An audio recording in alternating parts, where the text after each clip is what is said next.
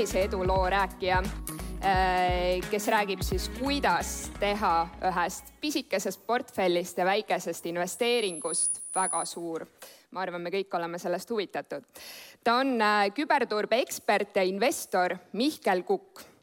Mihkel on siis viimase viie aastaga suutnud enda investeerimisportfelli kasvatada nullist ligemale ühe koma ühe miljoni euroni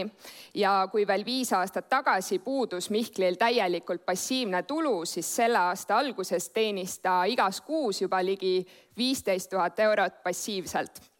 ja kuidas ta seda kõike saavutanud on ning äh, kuidas seda järgi teha, räägib siis Mihkel kohe ise. palume lavale Mihkel Kukk.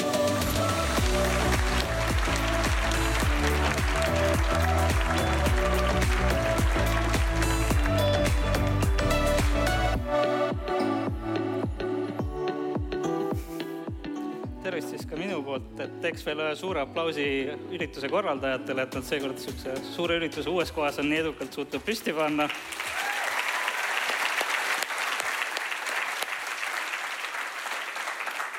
võib-olla alustuseks küsiks, et kes üldse on minust enne kuulnud midagi enne tänast üritust, võiks käe tõsta, siis ma tean, palju ma oma varasemast tegevusest räägin, üsna vähe. okei okay siis alustuseks võib-olla ma ütleks seda, et enne kui ma investeerimisega üldse tegelema hakkasin viis pool aastat tagasi nüüdseks, siis et ma olin nagu suutnud vähemalt niisuguse baasfinants arusaama endale tekitada, et olin suutnud Dave Ramsey raamatu läbi lugeda, olin suutnud oma lollidest võlgadest lahti saada,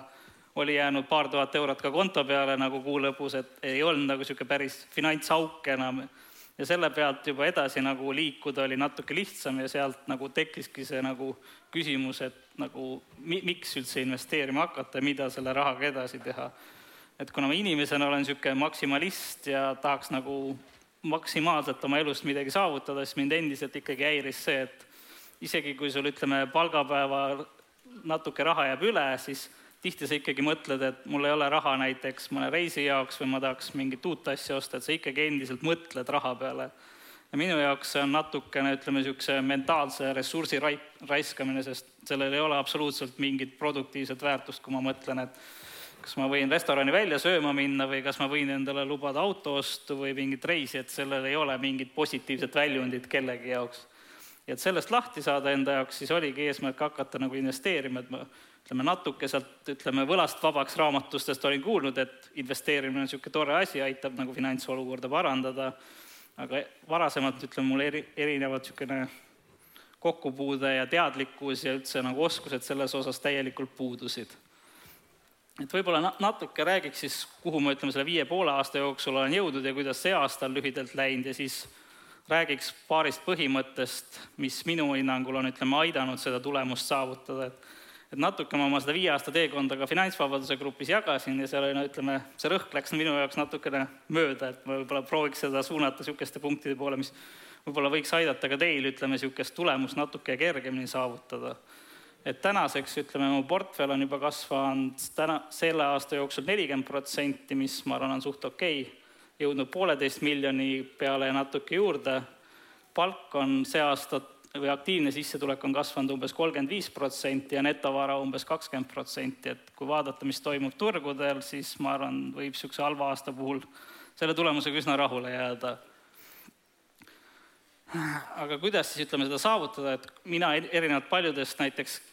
kui ma uurisin, et kuidas saada, ütleme, niisuguseks edukaks investoriks kiiresti, siis seal soovitati, et hakka ettevõtjaks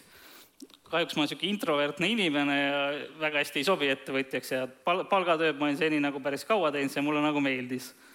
ja siis ütleme, tuligi leida see lahendus läbi palgatöö ja kuidas seda palgatööd siis ütleme, pigem kasutada niimoodi, et see aitaks seda eesmärki saavutada ja ütleme, karjääri alguses ma tihti nagu panin rohkem rõhku sellele, et seda palgatööd suunata niisuguseks, nagu mul endal on vaja.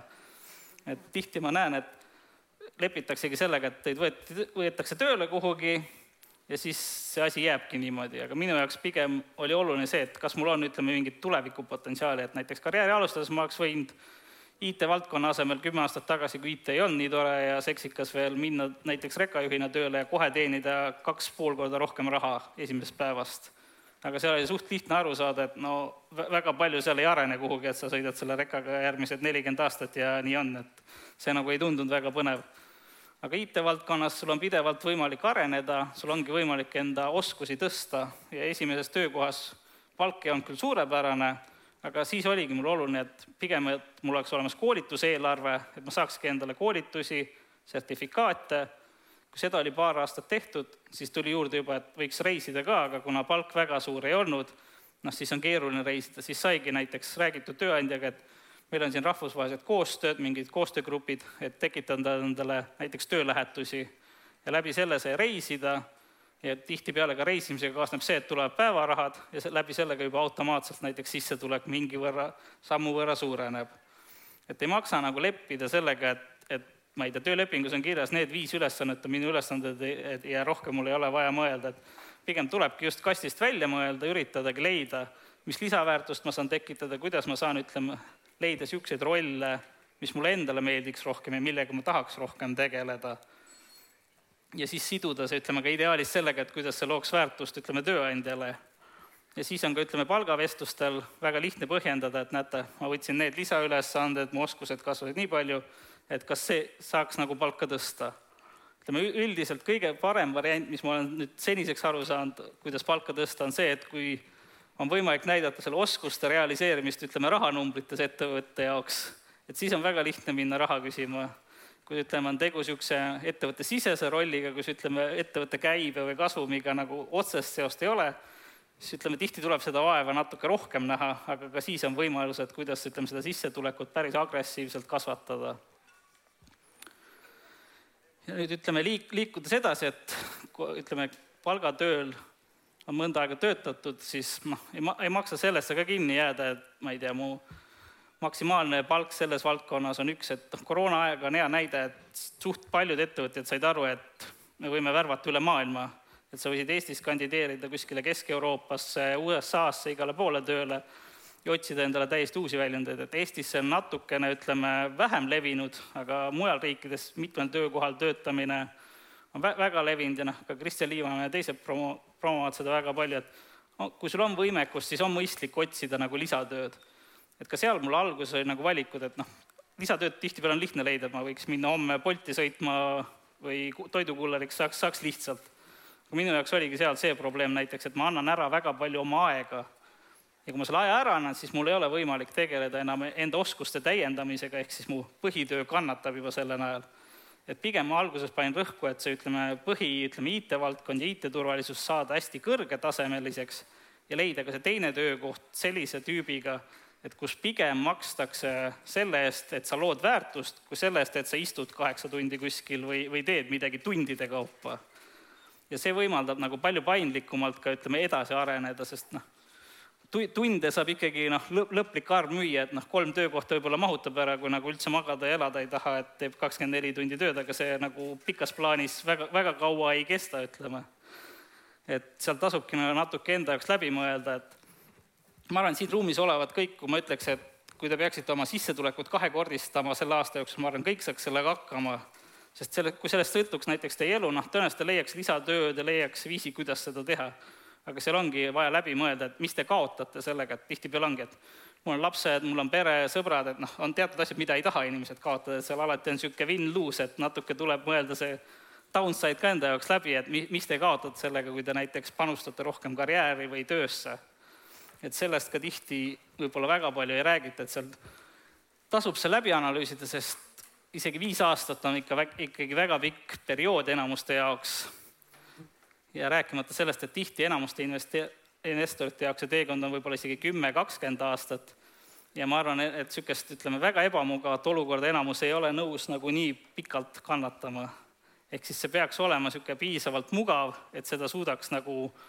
pikaajaliselt enda jaoks hoida. ja sellepärast nagu tasub töös ja valdkonnas aru saada, et et tihtipeale võib-olla see töökoht, kus te alustate, alguses ei tundu meeldiv, et ma arvan, kui ma IT-s alustasin, mulle oli ka väga ebameeldiv, noh, midagi valdkonnast ei tea, tunned ennast üsna lollina, noh, iga päev pead mingi uuest asjast üritama aru saada, niisugune suht tüütu ja vaevarikas on. aga tihti me tahamegi, et meile kohe see asi meeldiks, aga seda enamasti ei juhtu. sest me vaatame, et noh, mingi see meeldimine tekibki sellest olukorrast, kui sa hakkad juba jõudma tippu, et siis sa näed, et sa saavutad mingeid asju, sa suudad teha asju, mida teised ei suuda teha, sa saad asjadest palju paremini aru, aga see ei ole see, kus sa alustad tavaliselt ja sinna jõudmiseks on vaja tihtipeale päris palju tööd teha.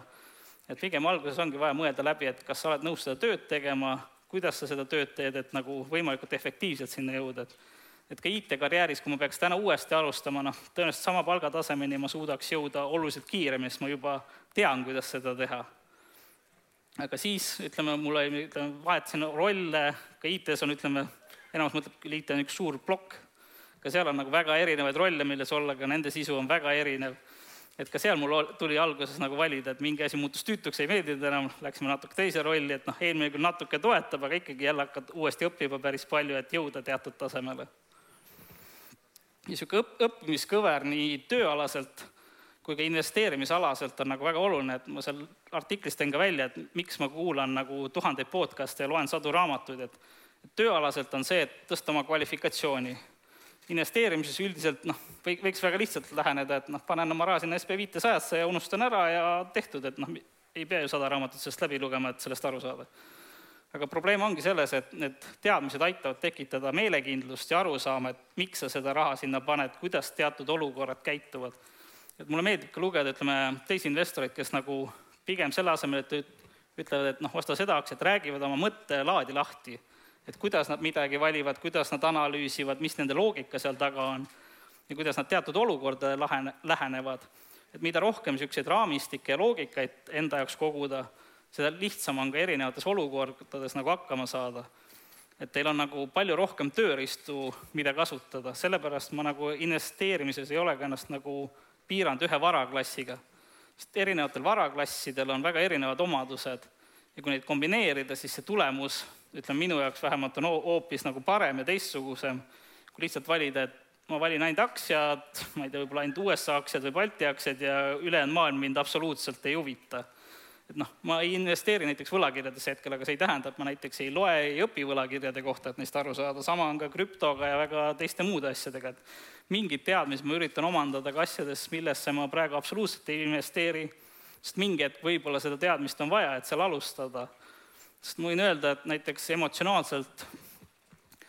üks mu esimese aktsia investeeringud oli SB viiesaja indeksi ostmine, noh, tundub lihtne asi, aga inimesena, kui ma ei olnud kunagi aktsiatesse investeerinud, noh, raamatust lugesin, investeeri sinna, tundub mõistlik, lähen minna siis LHV panka sisse, panen SB viissada, vaatan, juba tuleb neli valikut, no mis jama on, öeldi, et no mingi üks SB viissada on ju kuskil, et mida ma nüüd siin valima veel pean. noh, ja, ja siis hakkad guugeldama, et mis toimub, noh tekib jälle niisugune ebakindlus, et no mida, mida ma nüüd siit tegelikult ostma peaks. noh, peale seda ma lugesin paar ETF-i raamatut läbi, noh, siis sa saad ETF-ide hingeelust väga hästi aru, noh, ei teki absoluutselt mingit emotsiooni nende ost-, asjade ostmisel, asjade valimisel. et se-, sellepärast on ka mõistlik neid teadmisi omada, et noh, ma arvan, esi, esialgu isegi, kui teil tekib see emotsionaalne tõrge, pig-, pigem pange see sada eurot või see tuhat eurot sinna ära, see nagu motiveeribki teid, võtate vähemalt selle raamatu kätte, loete selle kohta rohkem võib-olla läheb see sada eurot, tuhat eurot natuke valesse kohta, aga need teadmised, neid te saate rakendada ja järgmised otsused tulevad juba paremini. ja emotsioonide osas on ka siin palju arutelu olnud, et noh, tihti ongi probleem, et tekivad emotsioonid praegu, turud langevad, paanika on noh, ei, ei ole väga mugav, et et kuidas neid emotsioone nagu hallata või juhtida või või mis, mis nendega üldse nagu teha, et en-, enda jaoks ma tegin niisuguse eksperimendi, et mäleta, kaks tuhat kaheksateist, seitseteist kandis ostsin krüptovara, et et ma arvan, praegu saab sedasama eksperimenti päris hästi teha, kuna turud on toredad. et see sõidab hästi kiiresti üles-alla ja te saate iga päev näha, mis, mis tunded teil tekivad, et kui ta langeb kümme prosa, kui ta tõuseb kümme prosa. ja kui te sellest hakkate aru saama, noh, siis te saate oma emotsioonidest paremini aru ja te saate neid lihtsamini nagu välja liigutada investeerimisest, et saategi aru, et niisugune liikumine ongi normaalne, et noh, samamoodi aktsiaturge praegu vaadata, et noh, see viisteist, kakskümmend prosa langus, noh, see ongi nagu normaalne elu, et noh, sellel ei ole mõtet nagu väga palju tähelepanu pöörata, et mul on oluliselt lihtsam keskenduda sellele, et mu palk järgmise poole aasta jooksul võib-olla veel kolmkümmend protsenti kasvaks ja ma lähen lihtsalt ostan seda SB viitesadat, mis sest, et ta võib-olla on veel kümme protsenti langenud. et ja ütleme, kui emo-, emotsioonidest nagu üle saada, siis on märksa lihtsam ka nagu investeeringuid teha, sest noh, ma võin öelda, et mu viimane investeering kuu aega tagasi oli näiteks neljasaja tuhande eest korteri ostmine, mul oli selle juures nagu noh, põhimõtteliselt null emotsiooni võrreldes sellega, et ma esimene kord läksin mingi SB viiesaja indeksit paari tuhande euro eest ostma, kus noh, oli päris palju emotsioone ja arusaamatust. ja see kindlasti muudab, ütleme, seda teekonda endale palju vähem stressirohkeks. Äh, lisaks siis ütleme, minu portfellist osakaalude põhiliselt on kaheksakümmend viis protsenti kinnisvaras ja kinnisvaras ma kasutan ideaalis sada protsenti võimendust selle objekti ostmisel. et see kujutab endast enamuste jaoks väga suurt riski ja selleks, et nagu kiiret kasvu ja tootlust saada, on kuskile vaja see risk, ütleme, portfellis paigutada ja miks ma valisin selle kinnisvara, on just sellepärast, et kinnisvaras on võimalik võimendust kaasata nii, et sa ei saa margin call'i erinevalt aktsiatest tavaliselt. Sest noh, aktsiates ma võiks ka võimenduse peale võtta, aga noh, te olete siin, ma arvan, ka Roosa olete teised lugenud artikleid, et kui hakkab asi väga vales suunas liikuma, siis helistatakse, öeldakse, et nüüd on raha kiiresti juurde vaja. ja enamasti on probleem, et siis, kui see asi vales suunas läheb, siis seda raha kiiresti juurde ei ole väga tihti kuskilt võtta et selles mõttes kinnisvara omaduste poolest ja see, kuidas seal võimendus funktsioneerib, on jälle teistsugune. ja tänu kinnisvara võimendusele mul on võimalik oluliselt tõsta oma, ütleme seda esimest taset, millest me varem rääkisime, et noh, palgatöötajana kõige lihtsam on minna panka öelda, et mul on laenu vaja, sellest saab pank väga hästi aru, seda on väga lihtne teha. ja see võimendab ka seda, kui kiiresti teil sissetulek kasvab, et kui teil tõuseb palk tuhat eurot, siis on võimalik jälle pangast saada mingi hulk laenu, saab jälle midagi osta ja edasi saab, ütleme, suunata seda nii sissetulekut kui kinnisvara ütleme, hinnakasvu, kui tegeleda flippidega või üüriraha, kas siis aktsiatesse, ühisrahastusse, krüptosse, järgmistesse varaklassidele, et saavutada, ütleme, see kõige viimane võimenduskiht, et aktsiates, ühisrahastuses noh, mul ei ole absoluutselt kontrolli, mis seal toimub. kinnisvaras, ütleme, võib öelda, et natuke on kontrolli, kui tunda, mis seal turul toimub, vahetada, ma ei tea, pikaajaline üüriline Airbnb üüriseks, sul on ikkagi võimalused midagi teha, et noh, Apple'i CEO-le ma ei saa minna öelda, et kuulge, äkki teeks midagi teistmoodi, et noh, Apple teeb, mis ta tahab ja aktsiaturud teevad, mis nad tahavad, et sealt tuleb see tootlus, mis tuleb päeva lõpus, aga, aga sellepärast see ongi kõige viimane kiht, kus ütleme, mingit tootlust saada. et selle, sellepärast mulle ka ütleme, ei sümpatiseeri väga see, et ma üritan kuskil, kuskil nagu jolo panna kuskil krüptosse või aktsiatesse ja üritada seal see kõik, see tootlus ära teha, et palju lihtsam seda seal alumistes kihtides teha ja võtta, ütleme, sealt aktsiate turust, saadki oma kümme protsenti aastas või midagi ja see on, no ütleme veel lisaks sellele, et ütleme, palk tõuseb, ütleme aastas kakskümmend protsenti, kinnisvarast saad natuke võimendust ja siis tuleb sinna peale veel see, ütleme, aktsiate kiht, kus sa saad, ütleme, selle viimase tootluse ja see võimaldab seda kiirust märksa olulisemalt tõsta, kui ütleme, üritada, alustad mingi kümne tuhandega ja üritad sellest, ütleme, mingi imetehingute kaudu miljonini jõuda ja selle käigus on ka risk oluliselt madalam. et kuidas riski veel hallata, et tasub enda jaoks nagu läbi mängida neid stsenaariumeid, et kinnisvara puhul on lihtne teha, et ostsin korteri, võtsin laenu, üürin selle välja. mis juhtub, kui üüriline minema läheb? mis juhtub, kui laen, laenuhind tõuseb, et sealt hakkavad tekkima niisugused probleemid, millega on vaja tegeleda ja kui neid mõelda läbi enne, kui sinna olukorda sattuda, siis taaskord see emotsioon läheb sealt ära, et te saate rahulikult läbi mõelda olukorras, kus te ei kaota veel mingit raha, teil ei ole reaalset probleemi. ja siis te saate ka mõelda, et mis kaitsemeetmeid ma saan selleks teha. et noh, üürilise puhul näiteks ma saan osta kinnisvara niimoodi, et mu üürihind on piisavalt kõrge, et kui tuleb koroona näiteks, üüriline ütleb, et ma tahan kolmkümmend protsenti üüri alla saada võib-olla ei ole tõesti mu jaoks probleem, ma endiselt ei pea näiteks objektile peale maksma. laenumaksete puhul samamoodi võid arvestada näiteks olukorraga, et aasta aega võib-olla keegi üldse seal korteris ei ela, üür on null, te peate ise näiteks seda laenu maksma. see aitabki teil juba ette valmistada selleks, et äkki aastane laenumaksete summa peaks sularahas kuskil konto peal olema. Ja nii edasi, et seal neid stsenaariume tasub väga palju enda jaoks läbi mängida, mida rohkem te seda teete, seda lihtsam on, ütleme, teil niisugustes probleemiolukordades ja ja ka see on aidanud mul nagu ütleme, seda struktuuri sinna luua, et et palgatöötajana samamoodi, et ma kasutan ka oma palgatöötaja rolli selleks, et mul näiteks ei ole võib-olla sularahapuhver nii suur, aga palgatöötajana ma tean, et kui mind koondatakse, ma saan koondamisraha võib-olla üks-kaks kuud, mul on ühe aasta puhkusepäevad varuks, jälle üks lisakuupalk. See tähendab, ma saan juba kaks-kolm kuupalka lihtsalt sellepärast, et ma, mind visatakse uksest välja. ehk siis mulle antakse hunnik raha ja tõenäoliselt, kui ma olen piisavalt pädev, siis noh, kahe-kolme kuu jooksul normaalses olukorras tõenäoliselt või, võiks ka leida teise, uue töökoha. kui on mitu töökohta, noh, siis on muret veel vähem, sest noh, kahest töökohast võib-olla ikka korraga ei saa kinga, kui hästi läheb. aga tuleviku osas, kuhu siis nagu edasi liikuda, et ka eesmärkide osas, et ütleme, see esimene eesmärk sai samamoodi mul pandud niimoodi, et oleks võinud ju panna selle tavalise eesmärgi, et noh, sada eurot saan säästa, investeerin see sada eurot ära ja, ja on tehtud, lähme eluga edasi et niisugused eesmärgid mulle samamoodi istuvad, mulle meeldibki eesmärk, kus ma, kui see läheb täna paneb, mul ei ole õrna aimugi, kuidas ma seda eesmärki saavutan. ja see sunnibki mind, et ma pean midagi juurde õppima, ma pean midagi muutma ja kuskil edasi arenema. ja see areng nagu on pigem see suur väärtus kui see, et noh, kas see summa lõpuks tuleb kokku või ma selle eesmärgi saavutan, et noh, tõenäoliselt ma saavutan kõrgema eesmärgi, kui panna lihtsalt see eesmärk, mida ma suudaks nagu täna täita. ja sellepärast ma uueks eesmärgiks endale seadsingi, et ütleme, eluaja jooksul võiks jõuda niisuguse pooleteist miljardilise portfellini. et kaks tuhat inimest on suutnud üle miljardi oma varasi kokku ajada siin tänaseks päevaks, et noh, tõenäoliselt neilt on midagi õppida, kuidas sinna jõuda, aga tõenäoliselt tänase lähenemisega sinna ei jõua, nii et, et vaatame, kuidas, kuidas see teekond edasi läheb. Ja ma vaatan, et aeg hakkab ka enam-vähem otsa saama, et sellega siis võib-olla lõpetaks monoloogi osa ja saab küsimusi esitada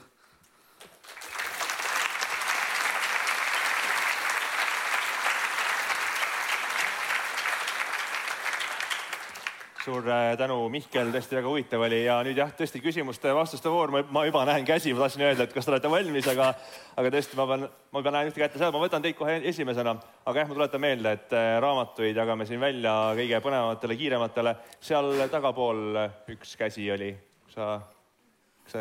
näed minu käesuunda enam või?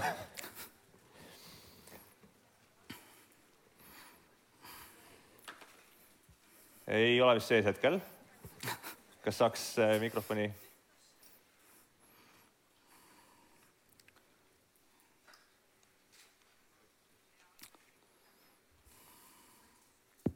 nüüd tundub. tere,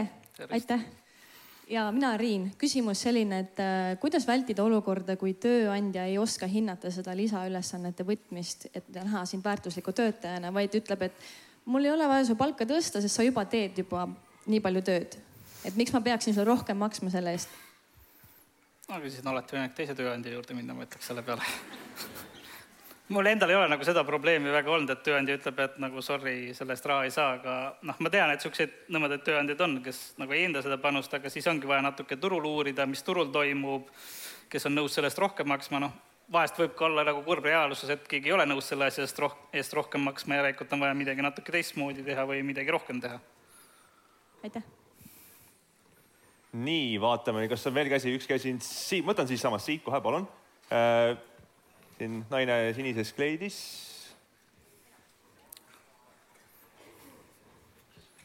Äh, mina tahtsin küsida selle investeerimise kohta, et äh, paar näidet, paar niisugust magusamat ja valusamat näidet esimese aastate õppetundide kohta seda mult palju küsitud, et noh, kus, kus ma olen suutnud nagu raha kaotada, et kuna ma investeerin nagu üliigavatesse asjadesse, siis kahjuks natuke raske seda raha nagu ära kaotada seal, et noh, võin öelda, et enamus aktsiatest mul on aktsiafondides, ETF-ides, et noh, turg käib üles-alla, aga seal nagu rämedalt seda raha kuskil SB viiesajas kaotada on nagu keeruline. aktsiates üksikaktsiaid mul natuke on, aga need on samamoodi niisugune USA big cap aktsiad, et need samamoodi tavaliselt väga kiiresti kuhugi nulli ei kuku, kuigi noh, nüüd kriisi ajal mingi kolmkümmend, nelikümmend prosa mõned on langenud, aga noh, Microsofti ma ostaks endiselt, Apple'it ma ostaks endiselt, et see mind nagu väga, väga palju ei morjenda. et noh, krüpto oli niisugune huvitav katsetus, aga noh, kuna ma ostsin seda umbes, kui see neli tuhat dollarit oli ja suutsin umbes kümne tuhande peal maha müüa, siis noh, ka seal nagu selle paari tuhandese euro katsetusega nagu läks päris hästi, et eks niisuguseid mingeid väikseid kaotusi ikka on, et noh, tavaliselt kui mul on mingi kinnisvaraobjektiks võib-olla natuke raha vaja, et siis lihtsalt mingid aktsiad võib-olla müüdi hetkeolukorras maha, aga ma nagu seda mingiks rämedaks kaotuseks enda jaoks ei võta, et tavaliselt ma varasi müüngi ainult siis, kui mul on mingi väga palju parema tootluse või potentsiaaliga asi, kuhu see raha ümber tõsta. et niisuguseid mingeid väga spekulatiivseid investeeringuid mul eri, eriti ei ole kahjuks, milles nagu raha õhku lasta, et võib-olla peaks mõnda startup'i või kuhugi natuke hakkama paigutama, kus see raha nagu kiiremini kaoks, siis saaks rääkida nendest lugudest nii, vaatame natuke siitpoolt ka, ma näen, palun kohe siin. Äh. tere, aitäh äh, esitluse ees. olen Grigori, tahtsin küsida, et äh, te olete öelnud, et teil põhiportfell koosneb kinnisvarast. kas te olete üritanud enda oma siis neid laenu kinnisvarat läbi Airbnb või Bookingu kaudu välja üürida? ja kui olete, siis kas on olnud mingisugused äh, selliseid lugusid, et kas keegi on pidu pannud või midagi sellist ka, aitäh et nagu ma ütlesin, ma olen üsna laisk investor, et ma olen Airbnb-d teinud, aga praegune portfell on nagu täielikult pikaajaline üüriline, et ma kord kuus saadan inimestele arve, et tahaks raha saada ja sellega see nagu üldiselt piirdub. ja kuna mul on enamus objekte niisugused kolme-neljatoalised suured korterid, siis mul neid objektidena on ka väga vähe. et üks korter mul vahepeal on olnud Airbnb-s Pärnus, mõtlen, noh, seal viikendid asjad olid, et siis ikkagi natuke pandi pidu, aga noh, tavaliselt koristaja pärast käib lapiga üle, et noh, päris niisugust lõket keegi toas ei teinud või mingit niisugust lao-, laoskaost ei olnud, et et ma ütleks, noh, midagi väga hullu ei ole olnud, mida koristaja ei ole suutnud pärast nagu likvideerida nii, ja ühe küsimuse saame veel võtta, issand, neid käsi tuleb nii palju. võtame siit tagantpoolt üks äh, härrasmees. juba, juba minu käes, et mul on äh, küsimus äh, seoses pikaajaliste intressimääradega, mis on nüüd tugevalt tõusnud on, on kaks koma viis protsenti Saksamaal, kus mina elan, antakse hetkel kodulaenu välja, baasintress on ligi kolm pluss riskimarginaal kaks, mis on viis protsenti, et äh, lihtsalt teada, et see täna antakse Eestis kuue kuuripori baasil. me oleme harjunud nullintressimääradega, et äh, kuidas seda kommenteerida ja kas te sellised riskistsenaariumid olete oma portfellis siis äh, hinnanud? jah, hea küsimus. E-, Eestis ütleme, see baasintressimäär on natu-, natuke parem, ütleme okei okay,, kodulaenu saab hetkel, ma arvan, veel, veel alla kahe prosa kui väga paanika on, saab fikseerida, ma saan aru, pangad lubasid kahe protsendi peale Euriboriga ära fikseerida, et ütleme, saaks, saaks odavamalt kui Saksamaal hetkel ilmselt siis. Aga noh, eks ma olen ikka enda jaoks läbi arvutanud, et noh, kui Euribor lähebki, ma ei tea, kahe protsendi peale, kolme protsendi peale, et ma arvan, mul vist rahvaarvutus oli, et kahe poole peal on niisugune, et ise veel peale ei pea maksma, et üürid veel katavad ära. Ja eks ma sellepärast praegu objekti sees tõstangi üüri sellepärast kakskümmend protsenti, mis aitab mul seda varu tekitada, et isegi kui Euribor tõuseb, ma saan ikkagi veel raha, et ja, ja ka selleks on noh, ütleme need lisameetmed, et on rahavara ja nii edasi, et mis aitavad seda ikkagi hoida, et aktiivne sissetulek mul samamoodi kasvab pidevalt, et minu jaoks ütleme, noh, niisugune paariprotsendiline Euribor, ütleme, väga-väga palju emotsioone hetkel ei tekita, aga kui on nagu lõhki laenatud ja ja ütleme, mingeid muid alternatiive ja lisameetmeid seal ei ole, et seda hallata, siis kindlasti ütleme, see kaks protsenti Euribori kasvu võib päris huvitav olla